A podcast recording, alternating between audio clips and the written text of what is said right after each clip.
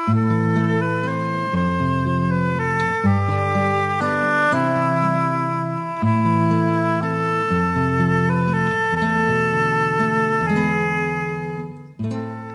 en welkom weer eens by Kortom. My naam is Margolite. Vanaand gaan ons luister na 'n verhaal van Christine Barkhuizen Leroux uit haar bundel Waar koek en wyn ontbreek van Lapa. En die verhaal waarna ons gaan luister, se titel is As hy weer kom. Frida van den Heever gaan dit vir ons lees. Lekker luister.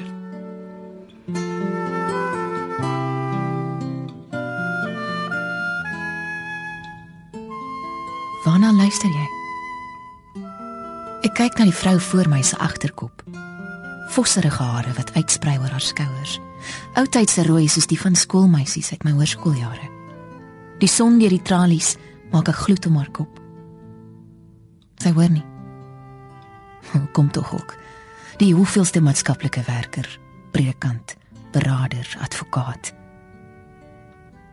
Niks van die geleerde teologiese boeke kennis, pastorale bedieningswyses, soveel goedbedoelde uitgewerkte preke of eie gesin het my hiervoor opgelei nie. Moordenaar res. Is erger as 'n vrou is. My eerste moordenares. Toevoeging op jou CV. Sê 'n siniese stem in my kop. Die geluid van die swaar sleutel van die bewaarder klonk nog teen die metaal. Die voetstapgeluid vervaag. Langsaan praat vroue vieslike goed. Ritse vloeke aan mekaar gehou met en en maar en want.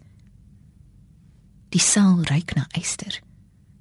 Echo die staal van tronk. Alles daar geel dekentjie op die bed, 'n sagte maatjie op die vloer. Die onderdele bly dieselfde. Wat kan ek sê vir 'n vrou wat haar man koelbloedig doodgeskiet het? Christus het jou lief. As jy berou toon, kom hy jou eendag haal. En glo ek dit self ooit. Hoe ver strek genade? Kan 'n mens ooit genoeg vergifnis kry daarvoor as jy 'n mens se lewe afsny? Die leer wat ek deurgewerk het, gee die feite. 35, vroulik, 15 jaar getroud, geen kinders, huisvrou, geen selfstandige inkomste. Kwalifikasies: matriek, gemiddelde B. Werk vir 2 jaar as bankkassiere. Trou met 'n klerk wat by die landboukoöperasie werk en rugby speel. Bedank haar werk. Voltyds by die huis. Sy glip weg voor my oë. Wat weet 'n beraader van wat tussen die mure van so 'n huisie afspeel? Ek probeer om met die paar feite op die leer en dit wat ek al gelees het, beleef het 'n vollediger prentjie te vorm. Al weet ek, al my analises en slim bespiegelings kan nooit werklik die waarheid evenaar nie. Hy sal ry tussen die silo's en die koöperasie. Onnodig dat sy geld uitgee vir mooi aantrek vir die bankbestuurder en ander man se oë. Fanie kan self vir sy trouvrou sorg. Baksteenrooi staan die huise entjie weg van die graansilo's. 15 km van die dorp. Bierloos. Op die klipwerf van die eertydse stasie groei niks behalwe vir een doringboom. Net soms kom die trein nog verby om die stilte te breek. 'n Ou tydse stoomtrein, 5:00 in die middag, met ontploffende stoom soos 'n ruiker wat oopblom in die lug. Twee keer se flits van die son op die waans in 'n week van stilte en droogte. Fanny kom nie huis toe voor 11:30 in die aand nie. Rugby oefening en op die ander aande rugby praat en bier. Dan is die kos wat sy gekook het en in die lou oond gebeere het, sonder smaak en uitgedroog. En sy gesels is op. Klaar gepraat met wie hy ook al vroeër saam gekuier het. Sy probeer sorg dat daar altyd eiers is. Die kan sy altyd gou gaar maak, voorsit met vars brood. As hy onthou het om te bring. Anders as Saterdag kom sy nie op die dorp nie. Dan is dit 'n uur of wat se vinnig koop aan drie sakkies huisgoed en terselfdertyd kyk na die mense en die lewe en kinders wat lag. Soos vroeër in die etensure van die bank. Wat hoor jy? Sy staan steeds by die venster en uitkyk. Bo op die stoel, op die punt van haar tone. Gou sal die son oortrek en die klein streepie lig ook weg wees. Stadig draai sy om. Sy lyk so Sissy Spacek. Ligbruin, effense sproetjies oral oor.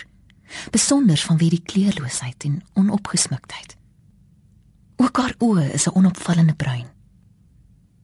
Sy gaan op die bed sit, skuif haar rug tot teen die muur en trek haar knie op.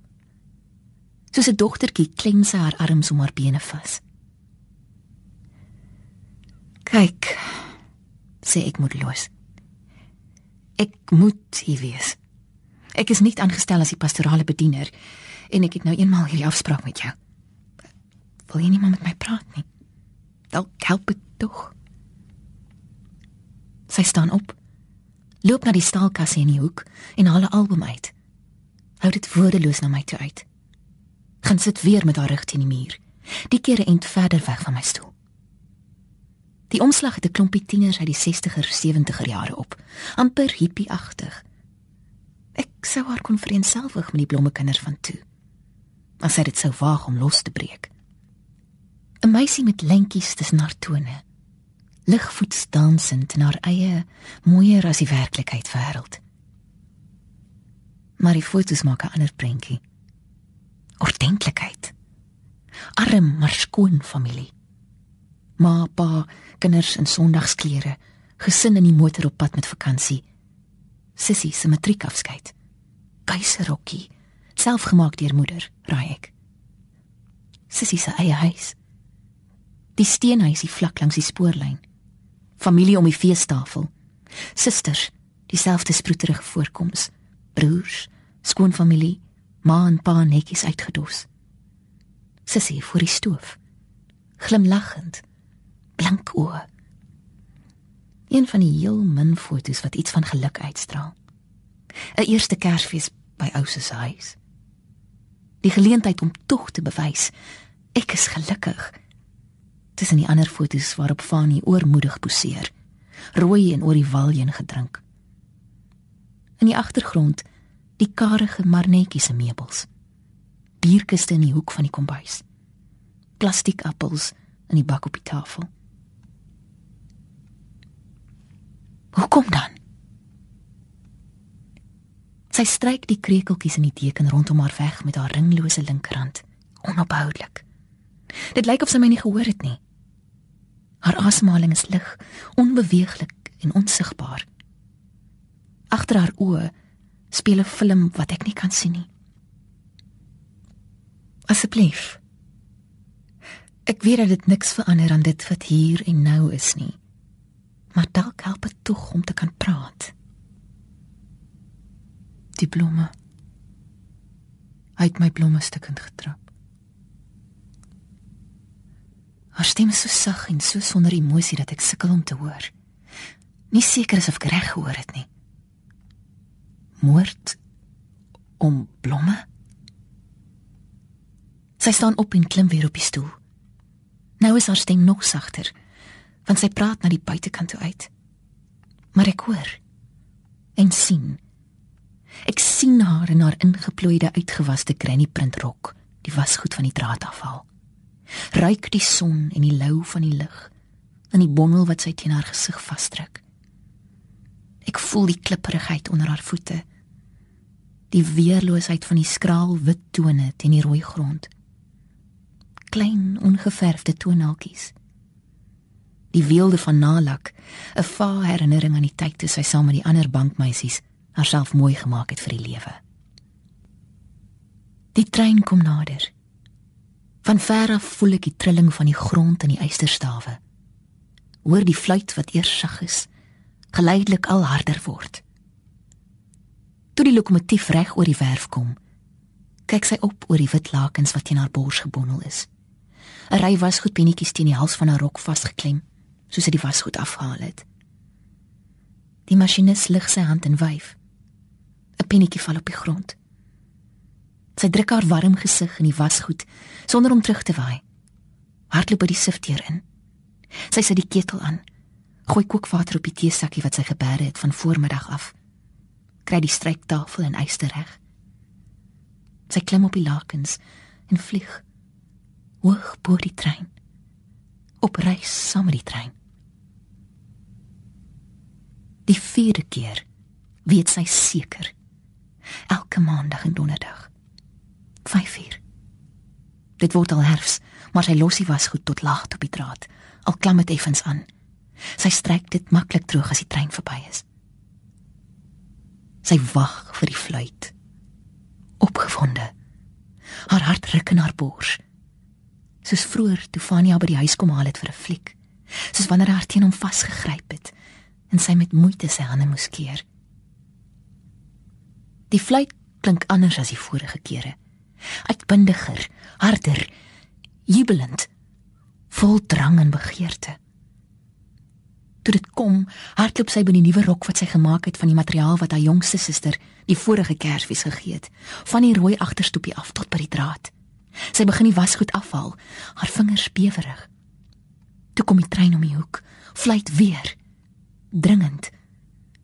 Die stoom dring in die bleekblou lug in. Sy donker hare is krillerig, langer as wat haar ma ordentlik sou noem. Hy leun ver by die venster uit. Wyf met oorgawe voor die trein om die draai wegslink. Die trokke se ekkos stampend op die spore. Stadig lig sy haar hand. Die onderkant van haar boarm wit en sag, soos meel teen die liggroen mou. Sy draai effentjies om van waar sy op die stoel staan. Haar hare val oor die kant van haar gesig. Die laaste keer het hy van ver af die stoomfluit oopgetrek. 3 keer voordat die trein by die huis verbygekom het. Die keer staan sy nader aan die spoor, aan die wasgoedraad se ander kant, asof sy weet. Toe hy haar sien, lig hy sy hand om die kabel weer te trek. Die fluit is nou anders. Sagter as ooit tevore. 'n streeling oor haar digte hare. Toe sien sy die heide wat uit hierdie venster na toe gooi. Sy vang mis. Die bosblomme lê op die kaal onherbergsame stuk grond. Pinkrooi, gebind met 'n stuk groen raffia tou. Hy sal amper om die draai, toe sy weer opkyk van die grond. Die blomme in haar hande. Net 'n klein stukkie van sy arm en hand is nog sigbaar teen die swart van die trein. Ek hoor hoe die hekke langs aan oopgesluit word. Die vrouens hart en skel begin praat. Wonder oor die spyskaart en die oneetbaarheid van die kos. En tog opgewonde oor die halfuur se buiteligtyd in die vierkant voor 'n vroeë aandete. In die sel het die son nou weggetrek. Die gloed wat teen haar hare geskyn het, is nie meer sigbaar nie. Sy praat nie weer nie, maar bly op die stoel staan haar gesig gespanne na die weste kant gedraai. Sy kom uit die kamer. Stadig. Skie. Bang. Dit het stil geraak. Die brullende stem se geskel, die gestamp van stoele en die klank van hout en glas wat val. Die inmaakvleis met die heide lê in skerwe en splinters. Die fyn fyn kelkies geslinger oor die vloer verwring deur sy skoensole. Sy vee die stukke glas in die skoppie. Tel die oorblyfsels blomme en dakkies op en sit dit op die wasbak neer. Die man wat oor die tafel hang, sy kop het aan die slaap geraak. Sy arms weerskante uitgesprei. Tam gedrink. Uit die bek van 'n bottel loop die bier in 'n skuimstraaltjie af oor die tafelrand. Hy hoor haar nie as sy nader kom nie ook nie die oral klik nie. Nog die skoot. 'n Nuwe bosblomme vorm oor die vloer. Ook rooi. 'n Kleurige, helder, blink boeket. 'n Blou uniform kom staan voor die deur en raas. Jy moet afklim daar. Dis teen die reëls, jy weet dit. Besoektyd is verstreke. Dis amper etenstyd. Jy's klaar laat vir exercise. Wat staan jy ook heeldag voor die tralies? Jy sal die buitekant nie gou sien nie, my girl. Ek skuif tussen haar en die bewaarderes in. Probeer na haar oë kyk. wil sê dat ons volgende keer verder sal gesels. Maar dis nie vir my wat sy sien nie. Haar oë lyk soos wolke, wasig. Die irisse wegglybaar in die wit rondom. Haar lippe beweeg, maar sy praat nie met my nie en ek moet my inspann om die fluisterwoorde te hoor. As sy weer kom. 'n Flintertjie hoop. Dalk het ek dan tog tot haar deur gedring. Sal sy ten minste nadink oor ons gesprek. Sy kyk nie weer na my nie. Loop 'n ander rigting saam met die bewaarderes in. Teenoorgestelde kant van die buitehek waar ek uitgelaat moet word deur die sepier. Toe die hek agter my toeslaan, kyk ek terug. Sy het stil gaan staan.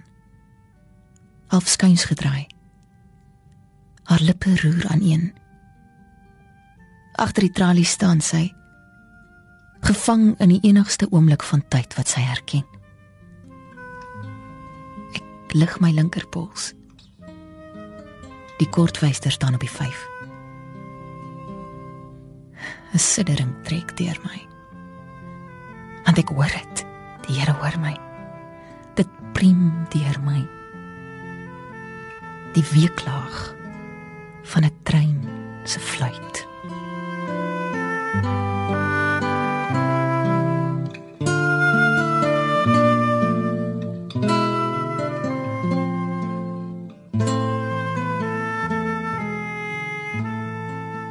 Dit was Christine Barkhuizen Leroux se verhaal as hy weer kom uit haar bundel waar koek en wyn ontbreek van Lapa. Frida van der Neever het dit vir ons gelees. Van my, Margolite, alles van die aller aller allerbeste. Tot volgende keer. Mag dit met ons almal goed gaan. Totsiens.